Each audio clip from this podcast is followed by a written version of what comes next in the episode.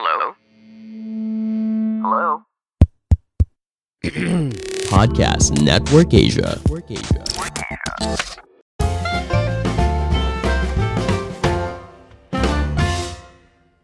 Halo semuanya, kembali lagi bersama saya Madianto. Kali ini kita akan membahas tentang kenapa sih dana darurat penting untuk kita. Di dalam kehidupan, manusia tidak bisa memprediksikan apa yang akan terjadi di masa depan. Tapi kita bisa berusaha dan bersiap diri agar segala sesuatunya berjalan sesuai rencana, termasuk dalam urusan finansial.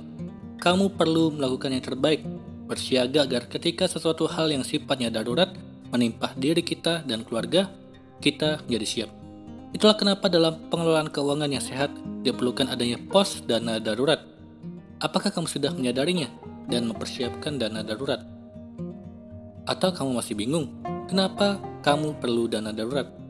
Pahamilah bahwa di dalam kehidupan keseharian kita, tentu kamu pernah mengalami yang namanya kejadian tidak terduga. Kejadian di mana posisinya mau tidak mau akhirnya menguras uang yang selama ini telah dialokasikan untuk keperluan lainnya. Agar kamu makin paham dengan dana darurat, mari simak dulu ulasan untuk apa sajakah dana darurat kerap dibutuhkan. Berapa sih idealnya simpanan untuk dana darurat dan simpan di mana sebaiknya untuk uang dana darurat? Berikut penjelasannya. Yang pertama, sakit dan kecelakaan. Kamu bisa berusaha menjaga agar kondisi selalu sehat dan prima, tapi tetap saja tidak ada yang dapat menghindar dari penyakit atau kecelakaan kalau sakit atau kecelakaan yang dialami kamu atau anggota keluarga sangat parah, tentunya kita tidak akan berdiam diri. Langsung pergi ke rumah sakit dan diobati atau dioperasi. Sedangkan ini membutuhkan biaya, terutama biaya untuk membayar dokter dan menebus resep obat. Bayangkan juga kalau kamu sakit dan harus dirawat di rumah sakit. Tentu semuanya akan butuh biaya yang lebih lagi. Di sinilah dana darurat yang sudah kamu siapkan bisa digunakan. Kedua, memperbaiki barang atau aset. Terkadang ada saja musibah yang bisa terjadi kepada barang-barang atau aset yang kita miliki. Padahal barang ini sifatnya penting dan kamu kerap gunakan sehari-hari. Misalnya saja, mobil yang sering mogok, rumah bocor, atau peralatan teknologi seperti laptop dan handphone rusak.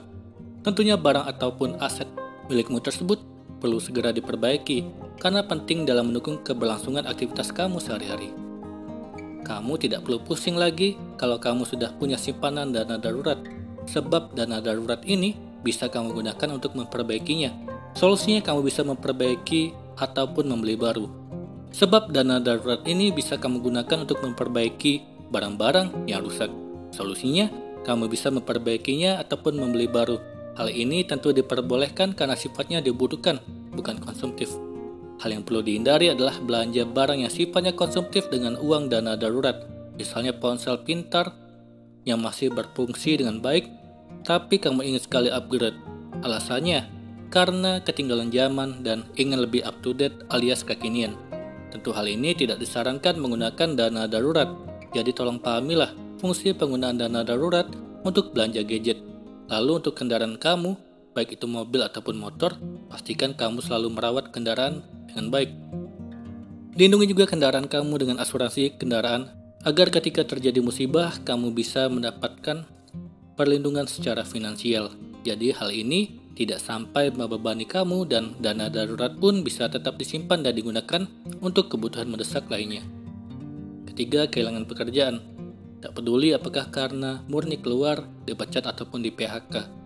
Kalau kamu kehilangan pekerjaan, artinya pemasukanmu yang biasanya terhenti Kadar kamu mungkin sedang gemilang belakangan ini, tapi bukan berarti jadi alasan untuk malas mempersiapkan dana darurat yang diperlukan kalau kamu kehilangan pekerjaan tersebut. Dana darurat harus ada untuk hal satu ini. Paling tidak kamu sudah memiliki dana cukup untuk menghidupi diri dan keluarga. Selama beberapa waktu atau bulan hingga kembali mendapat pekerjaan. Keempat, bayar tagihan.